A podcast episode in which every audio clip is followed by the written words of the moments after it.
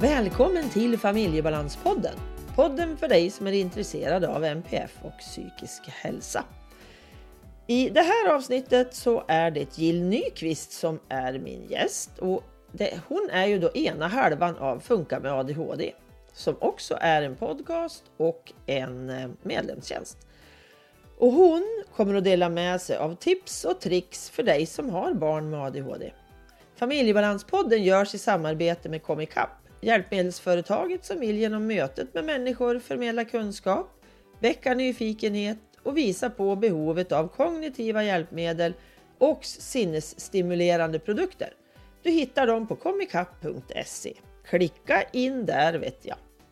Ann-Katrin Aureliusson heter jag som driver den här podden och jag arbetar med att förändra tillvaron för människor som har NPF i familjen och särskilt då där det finns OCD, alltså tvångssyndrom. Och för dig som vill veta mer om OCD-hjälpen, vad det kan göra för dig, då ska du gå till familjebalans.se och anmäla dig så kommer information om OCD-hjälpen. Vill du stötta oss i vårt fortsatta arbete med Familjebalanspodden och den informationsspridning som den gör, då kan du med ett bidrag göra oss jätteglada. Så då ska du swisha till 123 526 5855. Men nu kör vi igång!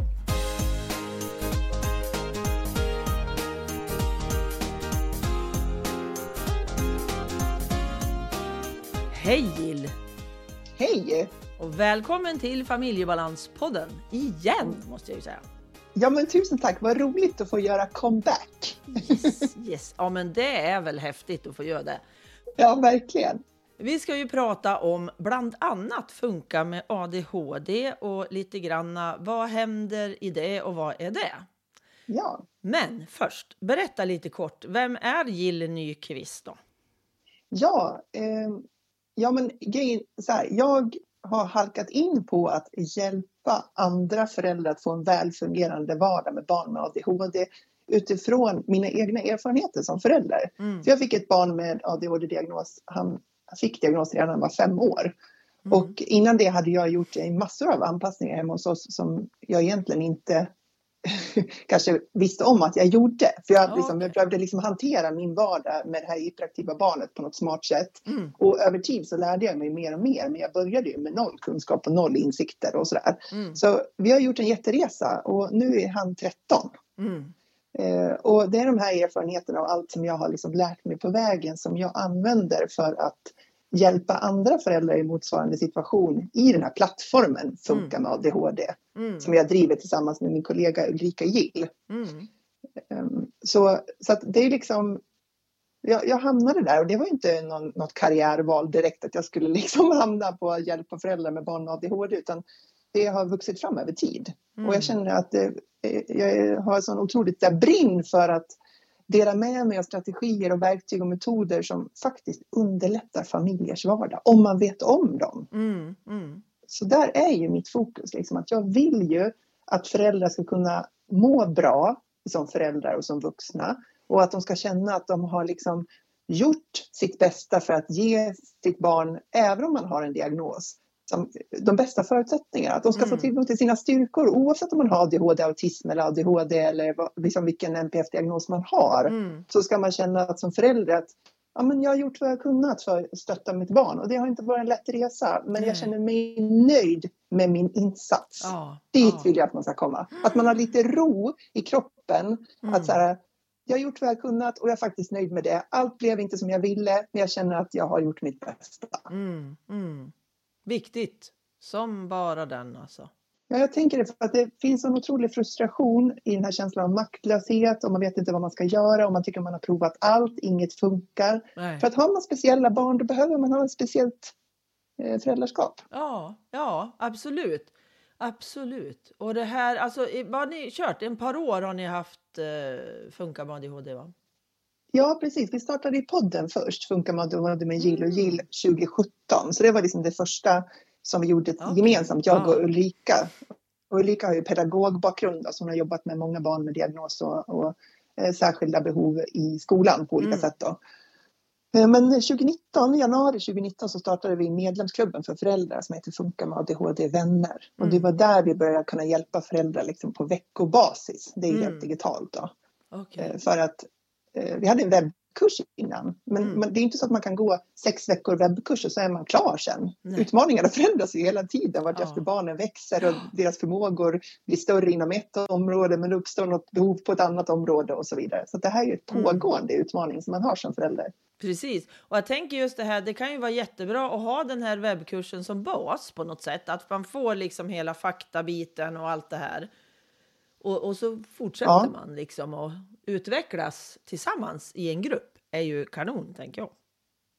Ja, det är jättebra för att det är ju en sak att lära sig någonting i teorin Ja. och en annan sak att få till det i vardagen. Ja, För att vi, vi människor vi vet en massa saker teoretiskt. ja, om hur vi ska träna och äta och hur vi ska återhämta oss och hur vi ska göra ditt och datt. Men vi får inte till det i vardagen för det är, det är för mycket vardag ibland. För att Mm. man ska kunna strukturera upp det och få, få till en förändring. Mm. Även om man jättegärna vill. Så jag tänker man behöver ett sammanhang att utvecklas i. Man behöver ett sammanhang och, och liksom, som hjälper en Mm, att få till de här förändringarna i vardagen som man behöver. precis. Och det tänker jag att en sån här medlemsklubb kan hjälpa till med. Exakt. Ja, men det är helt suveränt tycker jag. Verkligen. Just det där att få göra saker tillsammans med andra också. Att jag, jag känner att Mm. jag, vi, vi är fler liksom i gruppen är ju suver, suveränt tycker jag. För det Mm. ger ju att man får stöd av varandra även om man kanske inte träffas varje dag utan man träffas väldigt sällan. Men man har ändå en gemenskap i den här gruppen. Absolut, man blir påmind om att man inte är ensam. Ja, ja, Eh, man blir påmind om att, ja, man blir påmind om, eh, alltså man får en liten knuff i ryggen. Liksom. Ja, just det, jag ska komma igång och göra den där, Mm. vi säger att man ska förbereda någonting. Och så, det hjälper en liksom att orka ta de där små stegen i vardagen. För att Mm. det, man ser någon annan som gör det, eller man tar del av vårt material som visar hur, eller mm, någon uppmanar i någonting som man kommer på igen. Ja, just det, just det, det där är viktigt, det måste jag hålla i. Sådär. Mm, precis. Suveränt tycker jag. Men vad är det knepigaste då? Som, som ni jobbar med i Funka med ADHD. Vad är det svåraste för föräldrarna tänker jag som, som kommer in i er medlemstjänst? Vad är det som oftast de stångas med? det är, det är, lite, det är flera olika områden som liksom kommer tillbaka lite över tid. Mm. Sådär. Ett sånt där svårt område det är ju konflikter och utbrott. Ja. Eh, Så vad gör jag när mitt barn liksom går loss på heminredningen eller slår syskon eller skriker fruktansvärda ord till mig själv som förälder och sådär. Mm. Så att, eh, det, eh, det har ju vi haft liksom en hel eh, genomgång kring hur, hur man kan hantera utbrott och hur man kan minska liksom, förekomsten av Mm. utbrott och sådär. För det är en väldigt vanlig del av vardagen när man har barn med ADHD som har liksom, bristande impulskontroll. Ja, precis. Eh, Men sen är det också det här med eh, den egna återhämtningen. Inte för att föräldrar särskilt ofta säger så här, jag har problem med min återhämtning. Men det man märker det är att det är så många som är så otroligt trötta. Mm, Har, liksom, har en sån slitsam vardag eh, att de har som låg energi mm, att ta tag i ytterligare saker. Den här förmågan liksom att prioritera sig själv och sin egen återhämtning. eh, Det, det är svårt att göra de prioriteringarna i vardagen när barnens alla behov liksom alltid sätts först. ja, känner jag igen jätteväl från när mina barn var små. Ja, Ja, du gör det. Ja, gud, jag kom ju sist jämt. Så var det ju. Ja. Det var de först, Mm. alltid. För att få ihop Och- det livet liksom. ja, man lägger sitt fokus där. Ja, Samtidigt så blir det så att man liksom man dränerar sig själv. Så till slut- risken är ju att man faktiskt blir sjuk och att då är man inte till hjälp för någon. nej, nej, nej, nej. Så att, så att vi försöker liksom eh, påminna om det där och prata om vad man kan göra som är återhämtning. Mm. Och då pratar vi om vardagsgrejer, inte Mm. tre dagar på spa som Nej. ingen människa någonsin får till. Liksom, utan Nej, det här liksom, den här kvarten du hade liksom, när du åkte till jobbet eller om du kan liksom, ta en promenad på kvällen. De här små sakerna, Ja. liksom, bara påminna om att de finns också. Eh, jätteviktigt. Och om vi, om vi blir medvetna av dem, med dem så kan vi eh, nyttja den tiden på ett bättre sätt Mm. än när, när tiden bara går för, liksom, går, ja, rinner oss mellan fingrarna. Liksom. Ja, men precis. Jo, men man, sitter och flämtar i ett hörn. Typ Mm. de där tre minuterna man hade. Då kan man ju faktiskt, ja, samtidigt som man flämtar då, faktiskt göra något lite inåt sig själv också.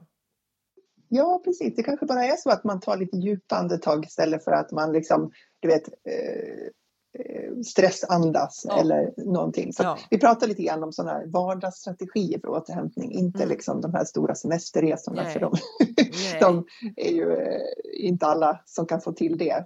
Nej, jag tänkte Eh, det kan vara ännu en stress istället när man bara ska göra alltså, återhämtning i stora sjok. Ja, Det, jag tänker att det är alltid bättre att göra det i små, små bitar. Tänker Ja. jag. och ja, så tänker jag också. Du, precis som vi rekommenderar, ju liksom bara gå ut i skogen, Ja. ta en promenad. Ja. Och får du bara till en kvart så en kvart, det är eh, 100% bättre än ingenting liksom. Ja, jag har ju eh, precis förordat alla de här då barkbitarna och stenarna som jag har suttit och glott på eller den här lilla Linnean som är så pytteliten men som kan ge mig så otroligt mycket. Att man hittar det där som är pytte, pyttelitet oftast. Det kanske Ja. handlar om några sekunder men jag de sekunderna flög mitt inre iväg och njöt. Ja, Och inte tro att lycka är något som består, utan lycka det är, ser jag som ett fyrverkeri. Det är tjoff! Och så var det inte kanske mer. Men alltså det kan vara i så små bitar och det är den bästa återhämtningen för mig och inte för ja. alla. Ja, och man behöver hitta det då tänker jag. Ja, För att det är kanske många gånger som vi vuxna liksom lite grann har tappat bort också. Vad är det som fyller på oss med energi? Ja. För att vi, har, vi är så upptagna med allt det liksom hanter, hanterandet i vardagen. Ja. Det är jobbet och alla krav som är där och sen är det släkten med alla krav som är där. Och sen är det familjen och sen de specifika eh, utmaningarna kring barnen. mm. Och sen är det en partner. Och så, Mm. man har så många delar. Så att när, man får frågan så här, men vad gör du när du vill göra någonting som, som är för dig? Mm. Som du trivs med? Mm. Då kanske man inte har något svar. För man har inte tänkt på det så så himla länge. Så att, alltså, det man tyckte om när man var eh, 18, det är inte relevant längre. Men vad sjutton gillar jag nu när jag är Ja. 38? Liksom? Precis så. Det, man, kanske, man kanske inte liksom har formulerat det för sig själv. Och då, då behöver man få frågan och så behöver man fundera på Ja. men vad gillar jag egentligen nu för tiden och vad kan jag få till min vardag? Precis, för att det är ju precis som du säger. Och när man har den här äh, enorma energiförlusten som det faktiskt är ganska många timmar per dygn när man har någon, ett barn med ADHD eller en sambo med ADHD tänker jag också. Kan också vara Mm. väldigt dränerande att eh, faktiskt hitta de här små, små glimtarna som gör att jag orkar. Och jag tänker också så här att jag måste, nej jag måste ingenting. Jag behöver se över ibland. Kan jag ta bort någonting av alla de här måstena som jag tror att Ja. jag har? Ja, Vi tog ju bort julen vi, väldigt tidigt, alltså julen i jättestor gemenskap med alla andra. just det. För det Mm. gick inte hos oss. Men det fattade vi ju inte från början. Det tog Nej. ju en par år innan vi förstod liksom att vi måste göra det här själv, annars blir det ohållbart i flera veckor efteråt och en hel månad innan. För det var sån Ja. förväntan liksom. Och blev det bättre då när ni ändrade och gjorde julen utifrån era förutsättningar? Jättestor skillnad. Jättestor skillnad. Den blev överkomlig, till och med så att den blev trevlig. Och den var inte trevlig när vi, ha, när vi levde kvar i det här som vi trodde när vi blev föräldrar. Att man måste göra och skulle göra och vara med släkten och köpa julklappar och barnen skulle vänta med små gnistrande ögon. De skulle ju stråla inför det här att inte veta vad det var i paketerna. Ja, visst, Våran Marcus, mardröm. han dog ju han nästan under den här månaden Ja. fram till jul. Så han fick veta han vad det var i hans paket. Ja, för att det. det. gick inte. Så han fick veta det, men han fick, han fick öppna på julafton, men han visste Jajamän. innan vad det var. Han visste innan Ja. vad det var och det vart helt lugnt. Ja, Han hade Ja, sån det är ångest och ångesten var inte för att det skulle vara fel. Utan det var för att om det var då fel inom citationstecken så Mm. skulle ju vi, han skulle bli besviken och då skulle han göra oss ledsen. Ja, Det var det var det där var det satt. för. Ja, det var där det satt. Och det Ja. kom vi ju på då efter ett antal år med det här. Det är väl ett jättebra exempel, tänker jag, på det här med att, att eh, om man har speciella barn så måste man ha speciella, speciellt föräldraskap. För att Ja. Jag tänker att det, i många för, familjer så hade det varit otänkbart att berätta för barnen innan Ja. vad som är i paketet. Liksom det, Ja. det, det kommer inte på fråga. Men det är precis de där grejerna som, som vi behöver öva oss Mm. på att tänka nytt kring när Mm. man är- har barn med särskilda behov. För att de här liksom traditionella föräldraskapsråden man får, de kanske inte alls funkar. Det kan till och med vara tvärtom. Det är, ju- det är ju saken etter värre. Liksom. Ja. Ja. Och då behöver vi liksom komma loss från våra egna föreställningar om vad som är gångbart, vad som är rätt och fel Mm, och hur vi mm. kan hantera det här. Ehm, för att eh, kunna eh, fatta klokare beslut. ja, men exakt. Exakt. Mm. Men jag tänker tillbaks lite på det här du sa just om konflikter. Vad, vad, om, om vi tar en, ett litet råd som ni gör. Det här är ju ingen quick fix överhuvudtaget det heller. Men vad har ni liksom, vad, vad börjar ni med då? Vad börjar ni med? I, genom att ni har ju teman. Ja, Är det per månad ni har teman då eller? ja, precis. Vi kör ett tema per månad. Ja. Så nu, nu i november har vi kört att visualisera för att få en smidigare vardag. Mm, Som visualisera som metod. Och nu i december så kör vi att stärka relationen till sitt barn. mm. Eh, Så, men eh, du sa konflikter. Ja, när det är de här... Jag har ett barn som är väldigt utåtagerande eller utagerande. Jag vet inte vilket som man väljer idag att säga. Det har varit Mm. olika under åren. Men alltså ett barn som blir väldigt argt för det har inte inga bromsar, ingen impulskontroll. Det bara smäller direkt liksom. Va, vad börjar ni med då liksom när ni jobbar med Ja, det men dels, vi brukar börja som i två steg. Det ena är ju så här, när utbrottet väl sker, Mm, då har vi strategier för hur kan vi som föräldrar hantera eh, barnet när det är i full affekt. mm, mm. Och då är det saker som att försök inte gå in och korrigera eller ge några tips och råd eller liksom tillrättavisa Nej. när barnet är i full kaos. Liksom. Utan eh, snarare så här, håll en låg profil. Om det är så att barnet riskerar att göra sig själv illa, försök att förflytta dem rent fysiskt till någon plats med tryggare. Eller ta bort syskon så att inte Mm. syskon är i närheten om det finns risk för liksom, att eh, syskonen får en, en känga. Mm. I annat fall så handlar det om att kanske backa rent fysiskt, mig som förälder, att jag liksom ger barnet utrymme. Jag kanske byter rum. Jag Mm. kanske låter barnet gå in i ett annat rum som inte ser varandra för att liksom, vi behöver liksom kyla ner oss på varsitt ställe, jag och mitt barn. För Mm. man kan ju också själv bli väldigt upprörd som förälder och Mm. arg. Liksom. Så att det finns ett, visst, ett antal strategier man kan använda som, vad ska säga, som gör utbrottet kortare Ja. i tid. Ja. Och kanske också mindre eh, intensivt. Liksom. Mm. Sen finns det vissa saker vi eh, föräldrar gör som är som bensin på elden. Liksom. Bra Eh, att vi, vi, går im- ja, men vi går emot barnet, Ja. vi är arga så vi skriker tillbaka, Mm. vi kräver svar på varför du alltid ska göra så här, vi försöker ställa till svars, vi ska berätta hur det ligger till och liksom sådana saker som man liksom kan göra när man själv är i affekt för att man känner att så här, nu får det vara nog i alla fall. Mm. Nu står jag inte ut med mer. Det här är oacceptabelt. Liksom. Och så agerar man då mitt i utbrottet. Och då Mm. kommer man oftast få ett större utbrott som håller i sig längre. Liksom. Det handlar ju om att vi i stunden har tappat våra egna strategier.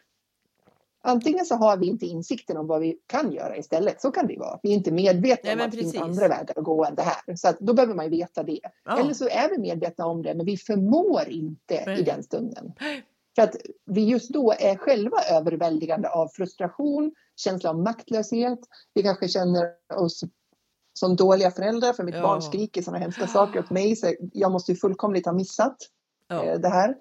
Ehm, Eller så tycker vi att eh, eh, vårt barn behandlar oss respektlöst. Mm. Du ska minsann inte säga till mig, jag är, din, jag är din förälder, jag är vuxen, du ska, här säger man inte till vuxna. Liksom. Vi, har en massa, liksom, Ja. vi har en massa känslor i det där. Ja. Eh, och det är ju det är någonting som vi behöver backa tillbaka och liksom titta inåt oss själva. Så här, hur kommer det sig att jag blir så oerhört provocerad när mitt barn gör så här? Mm. Eller hur kommer det sig att jag blir så ledsen Mm. när mitt barn säger sådana här saker?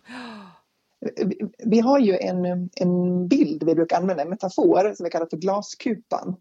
Mm. Och det är så här, när, när det är ett läge där mitt barn riskerar att få ett så verbalt utbrott, så att det pepprar hemska, hemska ord, total Mm. noll impulskontroll, allting bara haglar. kan man tänka sig att man sätter den här glaskupan över sig och så får de där orden bara studsa bort. Mm. För de där har inte med mig att göra. Nej. Eh, Att mitt barn skriker de här sakerna säger ingenting om mig som förälder. Nej. Eh, Det betyder inte att vi har ett, ett barn som, som är dåligt och det betyder inte att jag är dålig som förälder. Det betyder att mitt barn just nu inte kan hantera sin frustration och, och, och har dålig impulskontroll, vilket leder till det här. Det är vad det betyder, Mm. ingenting annat. Och för att skydda mig själv då, för att inte bli ledsen över att man får höra alla de här hemska sakerna mot sig som förälder. Då kan jag tänka mig den här mentala glaskupan. Ja. Jag, säger, jag hör inte det där. Det där har inte med mig att göra. Precis. Sen kanske man ändå väljer att säga ifrån till sitt barn. Man kanske säger så här, men stopp nu. Nu, Ja. nu går jag härifrån, för det här vill inte jag höra. Nej, Men- precis. Även om man väljer att säga ifrån så gör man det utifrån en plats av lugn. Ja. Inte en plats av affekt där man säger 20 andra grejer som man sen ångrar sig och får ångest över. Precis. Eh, Att man har jätteorolig för hur kunde jag säga så här till mitt barn. Mm. Man slipper hantera efterdyningarna av att man själv har gått upp i limningen. Liksom. Mm. Mm. Så att glaskupan hjälper en att välja väg. Vill jag säga ifrån till mitt barn, då gör jag det utifrån en plats av lugn. Mm. Och vill jag inte säga ifrån utan jag vill bara hålla en låg profil, för jag, jag rider över den här vågen, det kan man ge sig, jag behöver inte hantera det, då kan jag göra det. Men grejen är att jag kan välja väg. Men exakt. Och det kan jag inte när jag är så arg att mitt eget topplock har gått. Nej, nej. Mycket kloka råd du. Ja, tankar. Jättebra tankar. Och, och, och just det där att bli medveten själv om vad är det som jag går igång på egentligen. Det kanske inte Ja. ens är just situationen här och nu, utan det kan ju vara andra saker som jag behöver kanske titta lite på. Och just det där att sätta glaskupan över är ju suveränt, tänker jag. Att ha den tanken. Ja, det hjälper en att liksom hålla lite distans till situationen. Ja. Eh, sen, sen kan det ju vara så, eh, så, här, det, liksom det, så det är den delen som vi pratar om när barnet själva har utbrottet eller om man säger i affekt sådär. Mm. Men sen man, när, när det liksom har gått över, då behöver man ju fundera lite grann på hur, hur kom vi dit? Ja. Alltså för att mitt, mitt barn tappade ju sin egen självkontroll i det här läget. Mm. Fanns det någonting, finns det någonting i situationen jag kan göra annorlunda som gör att vi inte hamnar i samma eh, bråk nästa morgon? Mm. och nästa morgon igen och nästa morgon igen. Alltså vad kan jag göra för att förebygga den här? Vad är det jag tror att mitt barn klarar av som den uppenbarligen inte klarar av i det här läget? Precis. Och så jobbar man med det. Man Ja. kanske behöver införa rutiner Mm. där man säger så här, först ska det här hända, sen ska det här hända, sen ska det här hända. Mm. Man kanske behöver rita upp rutinerna i bilder eller man Mm. kanske kan ha dem i skrift beroende på vilken eh, ålder barnet Ja. har. Så, att, så här, hur kan jag jobba med att förebygga att det här ens uppstår? Mm. När man börjar liksom, aktivera hjärnan kring det, då hittar man ju många fler lösningar än att man hela tiden tänker så här, mitt barn måste lära sig, mitt barn måste eh, förstå, jag ska ändra på mitt barn för det här är oacceptabelt och så Mm. lägger man hela liksom, vad ska jag säga, lösningen på att barnet ska ändra Ja. beteenden. Det Men barnet är ju den person Ja. som har oförmågan. Det är därför de har en diagnos, Ja, för att de har en exakt. oförmåga. Ja. Vi ska ju använda den här diagnosen som en bruksanvisning tycker jag. Och så Mm. kan vi liksom klura utifrån det. Att nu har jag fått den här bruksanvisningen och det här har mina barn som svagheter och styrkor. Och så får vi jobba utifrån det, tänker jag.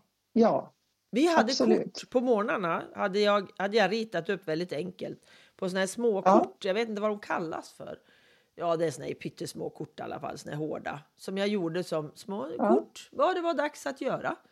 Och de var läskunniga, absolut. Men eh, det var mycket enklare att ta in en bild. Och det gjorde ju att det Just var det. betydligt mycket lugnare när vi skulle till bussen som liksom gick en viss tid. Det var stressigt ändå, Ja. men eh, för genom att jag har ADHD själv så var jag lite rörig. Sådär. Så. Ja. Men eh, det vart i alla fall väldigt mycket bättre när vi började använda lite hjälpmedel. absolut. Och jag tänker att det där liksom, det hjälper ju, det hjälper ju dig också Ja, att strukturera dina tankar, inte bara barnen. Nej, precis. Hjälpte oss båda två. Eller allihopa. När jag jobbar med att visualisera för mina barn, jag har ju två barn och en har ju inte diagnos och en har diagnos. Mm. Men jag visualiserar och planerar för båda. Och många gånger så upptäcker jag att jag har ju kanske ännu större behov av den här planeringen än vad Mm. de har. För att Mm. jag, blir, jag tappar också tråden. Jag, liksom, jag har många saker i mitt huvud också. Så att, att ha en, en plan, en checklista eller någonting. Alltså det underlättar för mig med. Fast jag Ja. inte har diagnos så, så är jag hjälpt av det. Ja, jo men det är ju så. Det är ju verkligen så. Vi behöver allihopa. Eller det är behjälpligt för oss allihopa, tänker jag. Ja, definitivt. Då spelar det ingen roll om jag har ADHD, eller diagnos eller inte och vad det än må vara så är det liksom väldigt tryggt och bra att ha den där planen liksom framför sig. Och att, ehm, att ha en bra struktur i sin vardag där barnen, liksom, där det är förutsägbart, där Mm. barnen förstår vad som förväntas av dem och vad som ska komma hända. Det tror jag förebygger många konflikter och utbrott.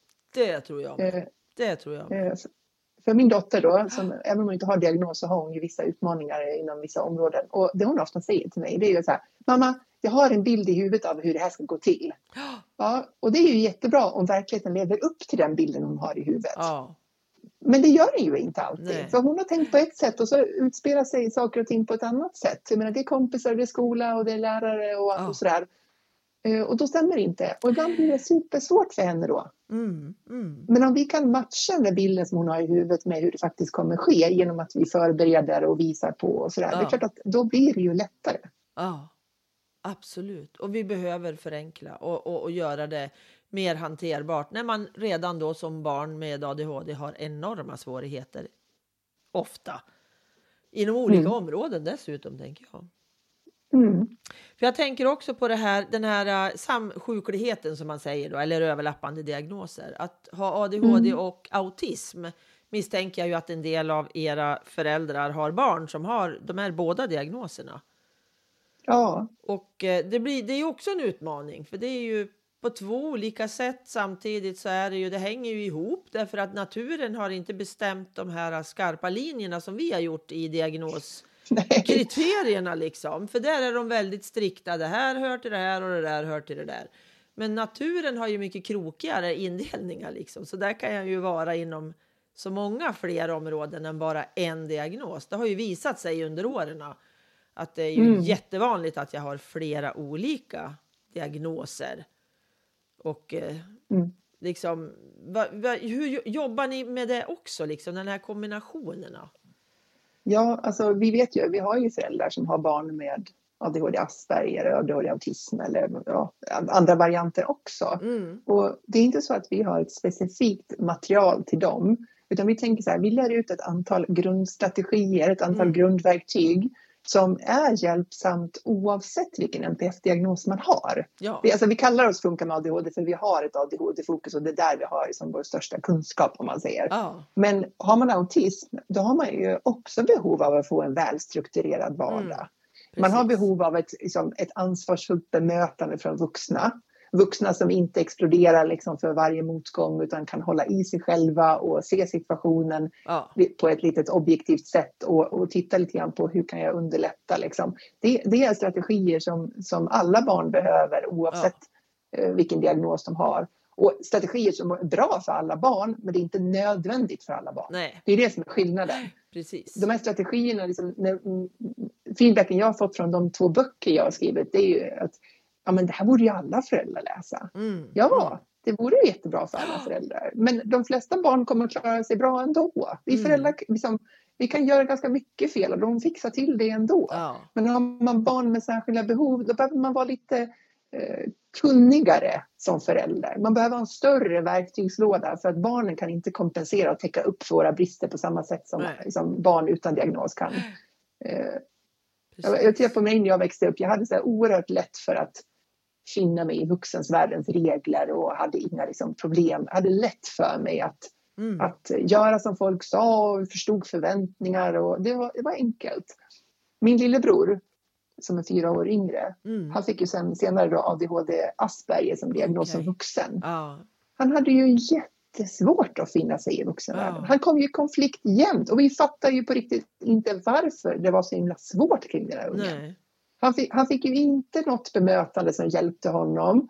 Han fick inget stöd från oss i familjen kring rutiner och så här, för att vi förstod inte, vi visste Nej. inte. Nej. Eh, vi tänkte som att han måste ju på riktigt vara så här himla lat. Alltså. Han är så himla Ja. ointresserad av det här så att det är därför liksom. Åh, gud vad Eh, orättvist nu- det. Ja, men det är ju Ja. det. Och nu när, jag, när han fick sin diagnos och jag tittar tillbaka på det jag minns från vår uppväxt Mm. så fattar jag ju precis varför det blev så mycket bråk. Ja. Jag förstår ju precis var vi gick fel. Jag kan också se att min mamma hade många hjälpsamma strategier gentemot honom som var bra för honom. Ja. Även om hon inte visste varför så hade hon ändå förstått att det här funkar. Liksom. Så att han fick liksom bra saker med sig. Men han hade kunnat fått så mycket mer om han hade, fått, om han hade mött en vuxenvärld som hade förstått vad han behövde. Och, och det är det jag tänker är skillnaden. Ja. För jag, menar, jag levde i samma familj med samma bra och dåliga saker. Men Ja. det var inget problem för mig för jag hade egen förmåga att anpassa mig till det där. Han Mm. hade inte det. Nej, precis. Och det, det är där vi kommer in, ansvarstagande vuxna. ja. Att vi orkar titta på våra egna saker vi gör som är bra och saker vi behöver förbättra. ja. Eh, och ta tag i dem. Och det, Mm. det är tufft ibland. Det är jättetufft. Jättetufft. Och då är det bra att det finns människor som gör medlemstjänster där man faktiskt kan få stöd, tänker jag, i det här arbetet. Ja. För det är inte alltid, tänker jag, som jag ser, att samhället klarar av att ge alla de här människorna, alltså anhöriga, det stöd de Ja. behöver. Det Nej, finns det- inte, inte långsiktigt. Jag kan få det korta bitar, typ det här som vi sa med en webbkurs. Så då. Alltså jag Ja. får en, en strategiutbildning eller så, men jag måste ju ha hjälp att hålla i det över tid. Det är ju det. Ja, Och exakt. det finns inte i samhället. Det ser ju jag jättetydligt på mina anhöriga då som har OCD i familjen. De Ja, har precis. ingenting.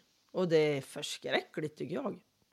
Ja. Så att, eh, Ja, det be- jo, Det jag behövs. tänker att, ja, och jag tänker att din tjänst och som vår tjänst Funkna och vänner, det är ett komplement. Det är Ja. inte så att vi säger så här, ja men strunta i BUP eller Nej. behöver inte habiliteringen längre, utan det är ju ett komplement absolut. eh, för, för vardags eh, strategier. Ja, För, för familjer som, liksom, som vill eh, få vardagen att bli lite smitigare. Sen Mm. behöver man fortfarande kontakt med, med eh, BUP och, och de, kanske någon arbetsterapeut och vilket, vilket stöd man nu har i Ja. skolan och sådär. ja, jätteviktigt. Men sen tänker jag också, en, skill en skillnad kan ju också vara att när, när de kliver in i Funka med ADHD vänner, då möter de eh, mig som är förälder och har, som har levt med barn med Mm. ADHD under många år. Och jag har liksom haft släkt med ADHD. Jag har mött ADHD i många former ur ett vardagsperspektiv Mm. och sett Mm. vad det gör. eh, Alltså vilken skillnad det gör när man har väl fungerande metoder och strategier och när Ja. man inte har det. Alltså vilken skillnad det blir på vardag. ja. Men möter man en psykolog på BUP som, man också, som är jättebra om man måste göra, eh, då kanske de inte har levt i den vardagen. Nej. Utan de har liksom en teoretisk förståelse för det här och jättemycket djupkunskap kring vad som, ja, men hur funkar hjärnan och sådär. Och de kan ha strategier som, som de har lärt sig, att, som, som de lär ut och sådär. Men de kanske inte har behövt använda dem där i vardagen hemma i köket där när saker flyger och det är kaos och Nej. man ska stå där och tillämpa det där. Och jag tänker att det är en skillnad att lära sig från andra som har gått igenom samma sak. Ja, helt klart. Helt klart. Egenerfarenheten är ju väldigt... Och, alltså den är ju jätteviktig, tänker jag. Och inte att då säga att det är antingen eller, psykolog eller, Nej. eller medlemstjänst, utan det är att vi behövs allihopa. Vi måste ju ha en Ja. samverkan, tänker jag. Och Ja, finnas. det behövs både och. Ja, absolut, absolut. Men jag tänker ju vidare också det här. Du har ju själv nu, du sa ju det att du har en tonåring själv. Ja. Och ni har ju levt då med, med hans ADHD, alltså som ni har vetat om i åtta år. Mm. Och fem år före det, för jag misstänker ju att Mm. det var ju inte den dagen han fick diagnosen som problematiken uppstod. Utan den Nej, hade ju funnits, så att i 13 år kan man ju säga då, nästan i alla fall. Kanske inte när han var Mm. pytte, pytte bebis. Jo, men det är det ju ofta också. Att det Mm. visar sig väldigt tidigt. Men nu när han är tonåring, alltså vad, ser, vad, vad är utmaningarna nu? Är de samma som när han var åtta? Eller är de helt annorlunda nu? Eller hur, hur hanterar du det? Tänker jag. För nu är det Ja, hemma hos alltså, dig. Ja, precis. Nu, alltså, det är ju annorlunda nu. Mm. Om man tänker när han var yngre, vi säger mellan tre och åtta, då var han ju som mest hyperaktiv. Ja, Jag tror att kanske tre, fyra år, alltså då, jag slet hårt då. Då hade han ingen diagnos, men han hade ju all hyperaktivitet och jag, jag gjorde ett stort jobb då för att parera och hantera vår vardag. Liksom. ja, Ehm, sen om man tittar på skillnaden nu så är det inte samma. Han, har ju, han fick ju så här mycket ADHD sa psykologen. Okej, mycket Ja, ADHD. Ja, Mycket ADHD, ja. Okej, så att det var inte lite grann på marginalen. Men eh, nu när han är äldre så har han ju inte, han är inte hyperaktiv så att han springer runt. Nej. Eh, däremot så, så står han ju nästan aldrig stilla. Ska man prata med honom så är det alltid i rörelse. Och det kan vara lite frustrerande när man försöker säga någonting och så är han på väg bort hela Ja. tiden. Liksom, man får springa efter eller stå kvar här jag är inte färdig liksom. Sådär. Eh, och sen, sen går han ju sjuan nu, det är högstadiet och då Ja. ställs det ju högre krav på eh, i skolarbetet. Mm. Och jag kan bara ta ett, ett nyligt exempel som, som det blir bara så tydligt apropå det här med att skapa förutsättningar. För att han, han skulle då ha omprov. För att, alltså, det går lite för fort i skolan. Jag hinner inte riktigt med att parera för alla läxor och alla prov som Nej. kommer upp. Utan plötsligt bara så har det varit ett prov och så, eh, så klarar han inte det, så ska han ha omprov. Och då får jag göra så här då att okej, när ska du ha omprovet då? Ja, på tisdag. Ja, men det är om en vecka. Ja. Ehm, ska vi, eh, då vill jag hjälpa dig att plugga till det. Nej, det behövs inte. Ja, men jag vill hjälpa dig så att du klarar det. Mm. Jag bara, ska vi ta helgen då? Att vi tar lördag och söndag så kör vi två pass och så pluggar vi två. Så här, lörd, en stund på lördag och en på söndag. Är det okej? Ja, säger han då, för då är det liksom jättemånga dagar kvar till Ja, helgen. men precis. Jag tänkte det. Okej, ja. Sen, sen kommer vi till lördagen och så säger jag, vilken tid ska vi plugga idag då? Eh, han bara, senare. Okej, ja då säger vi, när då? Det kan han inte svara på. Då får jag säga en tid, 16.30. Ja, då accepterar han det. Sen när det blir klockan 16.30, då måste jag söka upp honom. Nu är klockan halv fem, nu ska vi plugga. Nej, han vill inte plugga. Ja, han vill göra det sen. Nej, fast vi sa 16.30 nu. Då håller jag i det, för då vet Ja. jag att han är förberedd. Så då känner jag att då är det okej att stå kvar. Liksom. Då så här, jo men nu ska vi göra det här. Visa mig liksom, på datorn vad det är för någonting som ska göras. Och, och han protesterar ju våldsamt och vill inte. Och jag liksom står kvar.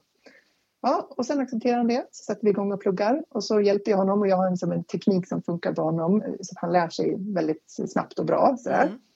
Mm. Ehm, och då kommer vi till att plugga. Men då har jag ju förberett i omgångar. Ja. Väldigt många omgångar så att vi ska komma dit. Ja. Till att han faktiskt accepterar att nu är det dags att sitta och plugga. Och sen dagen efter då när det var söndag och vi skulle göra igen. Då får jag liksom göra samma procedur igen. Mm. Jag kan inte överlämna till honom att säga så här, ja, men du, du lovade ju mig att du skulle plugga halv fem idag. Och så, så följer jag upp det klockan nio på kvällen och så skäller jag på honom för att han inte höll vad han kom Nej. överens om. För jag vet att han klarar inte av att, att sätta sig och ta Nej. den där fokuseringen och det där obehaget med att stå och koncentrera sig med det här. Om inte jag är där. Nej. Precis. Och då är det det som är mitt uppdrag. Att jag måste se till att ha förberett honom, gjort upp en plan, följa upp planen och genomföra planen tillsammans med Ja. honom. Då vet jag att det blir gjort. Ja. Men det är ingen quick fix. Det var många steg i det där för att det skulle få det att funka. ja, men exakt. Exakt. Och Och det, det är var där bara man måste... ett prov. Ja, och det där är ju det man måste komma ihåg hela tiden. Att det här gäller över tid. Det här är ingenting som... Har jag gjort det här så är det klart. Nej. Utan det pågår hela tiden framåt. Alltså. Så länge vi har ansvar som, Ja. som föräldrar så är det ju. Och kanske senare, även sen de har fyllt 18, så måste vi finnas där och vara behjälplig på ett sätt som de tycker är okej. Så säger de nej när de har fyllt 18, då är det ju bara bye bye så. ja, faktiskt. då är det, det är mycket, mycket svårare. Mycket svårare. Men nu tillbaka till din tonåring. Ja, så, det, så det är ju liksom min del av det hela. Sen försöker jag ju att han ska acceptera att hitta sina egna strategier för saker och ting. Mm. Till exempel så var han på fritidsgården här i veckan och sen missade han ju bussen när han skulle åka hem. Mm. Och för det mesta klarar han av att passa busstiden så att det är inte så att det händer varje gång. Men i det här fallet så kände jag så här, ah, jag hade liksom, du vet, eh, jag var på väg att gå och lägga mig. Jag går och lägger mig sina tidigt. Klockan var väl nio, halv tio liksom. Ja. Ja, på, eh, och då kände jag så här, vet du, om det är risk. Han bara, jag tappade bort tiden. Jag bara, jag fattar det, det att det händer, det är inga problem. Men då behöver du hjälpa dig själv genom att sätta ett larm på telefonen som Mm. ringer när du ska gå. Nej, det behövs inte. Jo, fast uppenbarligen behövs det ju för att du kommer ju inte ihåg. Nej. Och jag förstår att du tappar bort tiden när du är med kompisen, ni spelar biljard och pingis och allting. Här, liksom. Jag fattar det. Men Mm. hjälp dig själv då genom att ställa telefonlarmet. Mm. För det är ju en strategi som kan hjälpa honom över tid. Mm. För att jag kommer inte alltid kunna vara där och parera och hämta upp honom Nej. eller du vet, betala hans räkning eller vad det nu är i vuxenvärlden han behöver klara av, komma i tid till jobbet. Och då behöver han hitta saker som hjälper honom och så behöver han acceptera att det här behöver jag använda nu för att Ja. jag ska fixa det här. Mm. Då kommer eh, han att kunna använda det i flera situationer. Men i dagsläget så vill han ju inte. Nej. Då blir det mitt jobb att motivera honom att göra det och det är inte lätt. Nej, men jag kom ju osökt in på det här då också, det här med som man kallar för eh, sjukdomsinsikt. Fast inte ADHD är en sjukdom så Mm. säger man att man ska ha, man behöver en sjukdomsinsikt eller en insikt över vem är jag? Ja, Alltså vad behöver jag? Och det är ju inte helt lätt heller att nå dit, alltså hjälpa sin, sin unge in i det här. För många tycker att det är jättejobbigt att pr- prata om de här ja, svårigheterna och allt det här. Men på något vis så behöver jag ju ändå hjälpa till att se svårigheterna och se styrkorna, tänker jag. Att det är en stor del av oss också som föräldrar, att, att lyfta bägge delarna och att hjälpa till att Absolut. hitta de här strategierna för när det inte funkar. absolut. Och det håller jag helt med om. Och jag tänker att vi behöver ju försöka neutralisera det här. Mm. För jag menar att, han, att de behöver larm på telefonen. Herregud, jag ställer ju larm själv för att komma Ja. ihåg saker. Ja, Eh, ja, oavsett liksom diagnos eller inte. Och på jobbet har jag en kalender där jag skriver in saker jag ska göra och möten jag ska ha Ja. och sådär. Alltså, vi har en massa sådana saker som vuxna också. ja men absolut. absolut. Det är inte något konstigt liksom. Eh, men eh, det är svårt när motivationen inte finns där. Och Mm. eh, det är inget stort problem för honom att gå utan jacka i tre dagar för att han har glömt den i skolan. Så att för mig skulle jag säga, men det är iskallt ute, jag skulle inte vilja stå och vänta på bussen utan jacka. Men han bara, "Ah, jag tar den imorgon. Ja. Alltså det är inget stort problem. Alltså, det som jag själv tycker är så här, oh, vad hemskt, kallt, liksom. Och han bara, ja, ja, jag tar den imorgon. Liksom. Det var Ja. inte hela världen. Nej, och sen Så- kan det ju faktiskt vara så också att man har ju en helt olika temperatur eller vad heter det? Det heter inte temperatur, det heter eh, Du Ja, tänker på kropp, hur, hur mycket man fryser och Ja, hur, hur varm man är. ja, men vad heter det där som sitter på elementet? Termostat. Termostat. Termostat. Vi har ju helt olika sådana. ja. Vissa tål hur mycket som helst i kyla eller värme och vissa gör inte alls. Och då Ja. utgår vi ofta som förälder från oss själv. ja, det gör man. Fryser jag så fryser mitt barn fast han, svetten rinner i ansiktet. Ja, nej men så är det ju. Så att vi måste Så- separera dem också från oss samtidigt som vi ska finnas och vara behjälplig. Det är ju det där. Ja, det är en balans Ja. man gå. Och jag tänker att någonting som jag liksom har lagt ganska stor vikt vid under många år för att kunna casha hem liksom, vad ska jag säga, belöning och resultat av det nu som tonåring, Ja. det är ju att bygga en stark relation. Ja, För jag tänker ju.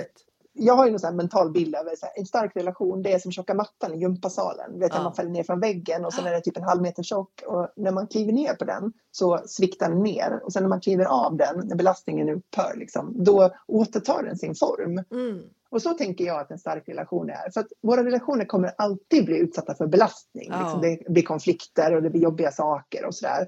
Och då, och då plattas relationen till. Men sen när de här konflikterna går över, då ska den liksom relationen svunga tillbaka till sin ursprungliga form och kanske bli ännu starkare. Ja. Och det tänker jag, att jag vill bygga en tjocka mattan-relation till mina barn. Så att Mm. när de blir tonåringar och det blir farligt på riktigt, när de råkar ut för saker som, som är obehagliga, då ska, de, då ska de våga säga till. Då ska de Ja. våga be om hjälp. Då vill inte jag ha tillbringat liksom de första tio åren med att bråka om egentligen små saker Nej. som har gjort att vår relation är helt urholkad och det finns ingen tillit, det finns inget förtroende. Mitt barn eller min tonåring säger, tänker att det spelar ingen roll vad jag gör, för min mamma är alltid arg på mig. Men Och jag, precis. tänker, och jag tänker om ungarna så här, det spelar ingen roll vad jag gör, för den där ungen lyssnar aldrig. Nej. Så, så jag tänker, jag vill inte hamna där. Nej. Så därför har jag tillbringat liksom åratal med att för, liksom, välja mina konflikter, eh, jobba på att liksom, försöka vara närvarande och lyssna när barnen pratar om det som är viktigt för dem, även om det inte är viktigt för mig. Nej. Så att, liksom, jag har jobbat med att försöka fylla på vår relation så att vi klarar av alla konflikter Ja. som är också. Viktigt och klokt. Ja, men jag hoppas att, att det kan, eh, att jag kommer ha igen det nu så att vi kan gå igenom tonårstiden. För den är svår för alla föräldrar oavsett om man har barn med diagnos Absolut. eller inte. Absolut. Mm. Och den, det, den är full av regler som tonåringar inte tycker eller vill leva upp till för de tycker inte att de, det är nödvändigt. De ser inte värdet i liksom olika regler och sådär. Eh, och då behöver man ha lite grann att ta av, tänker jag. Ja. Precis. Kapitalet där. Relationskapitalet man ska säga. Ja, absolut. Lite så. Ja. Mm. Vad intressant det är att prata med dig Jill. Det är så roligt. Ja, det var jätteroligt. Jättekul. Prata med dig. Jajamän, jag tänker vi ska avsluta. Men är det någonting mer som du vill fylla på med innan vi lägger på luren eller vad vi ska kalla det för när man trycker på en knapp på datorn? Ja, exakt. Det är så konstigt nu för tiden. Ja, men jag tänker att jag kan skicka med att våra barn behöver inga perfekta föräldrar. Alltså vi behöver inte göra allting rätt hela tiden för att vi ska få ett bra Nej. resultat. Jag brukar tänka liksom, om vi gör mer rätt än fel, då räcker Mm. det. Liksom.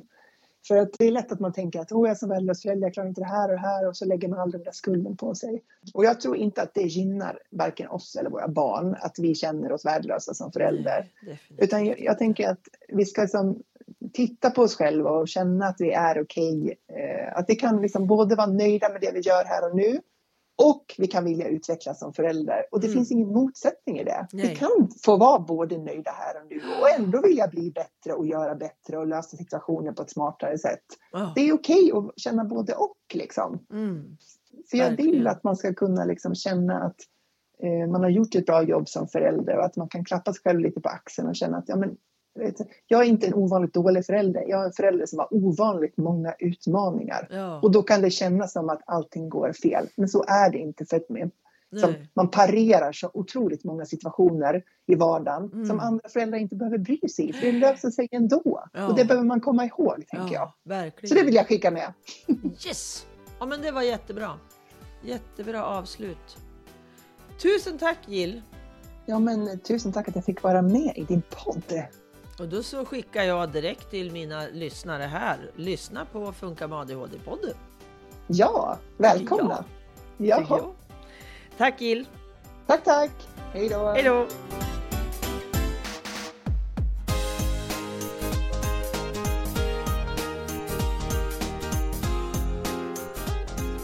Boktipset i det här avsnittet är boktipsen. För eh, jag promotar här Gills böcker. Hur får man det att funka? Inspiration för föräldrar och pedagoger. Och hennes bok Hjälp! Mitt barn har ADHD. Men först så ska jag läsa lite här om vad det står om eh, hur får man det att funka. Har du barn med ADHD eller jobbar du med barn som har ADHD? Då behöver du ha en rätt stor verktygslåda för att få vardagen att fungera. För det som fungerar ena veckan kanske inte fungerar nästa vecka. Men vi behöver inte komma på allt själva. Vi kan lära av varandra. Här delar jag med mig av de erfarenheter som jag och pedagogerna gjort tillsammans. Vi har med enkla, glada metoder skapat en tydlig och strukturerad vardag för min son som har gjort att han har fått förutsättningar att få tillgång till sina styrkor. I boken hittar du det material vi använde för att till exempel minska utbrott, klara jumpan, hantera en lilla syster, förebygga konflikter, berätta om diagnosen. Jag vill dela med mig av dem till dig eftersom jag tror att det kan göra skillnad i er vardag. Metoderna kräver ingen särskild utbildning eller material som inte lätt kan ordnas. Och sen har vi nästa bok som är Hjälp! Mitt barn har ADHD. Konsten att leda sig själv i en utmanande vardag.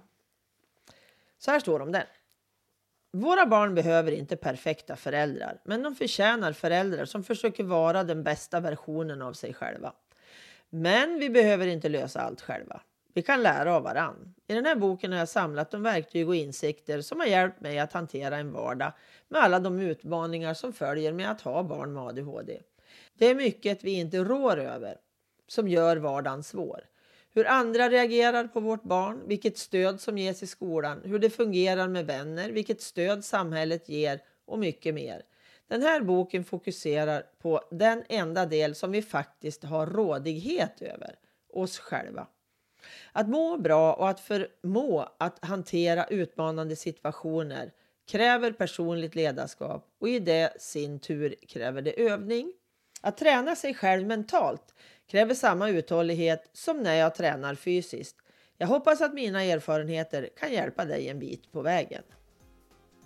Tack för att du lyssnat! Tack till Pelle Zetterberg för musiken, Pernilla Wahlman som fotade, Marcus som fixade poddloggan och till Anders för att du redigerar mitt prat. Och tack till Comicap för samarbetet. Och tusen tack till dig som sprider podden vidare eller ger oss ett bidrag via swishnumret som jag sa tidigare. Hoppas vi hörs igen. Hej då!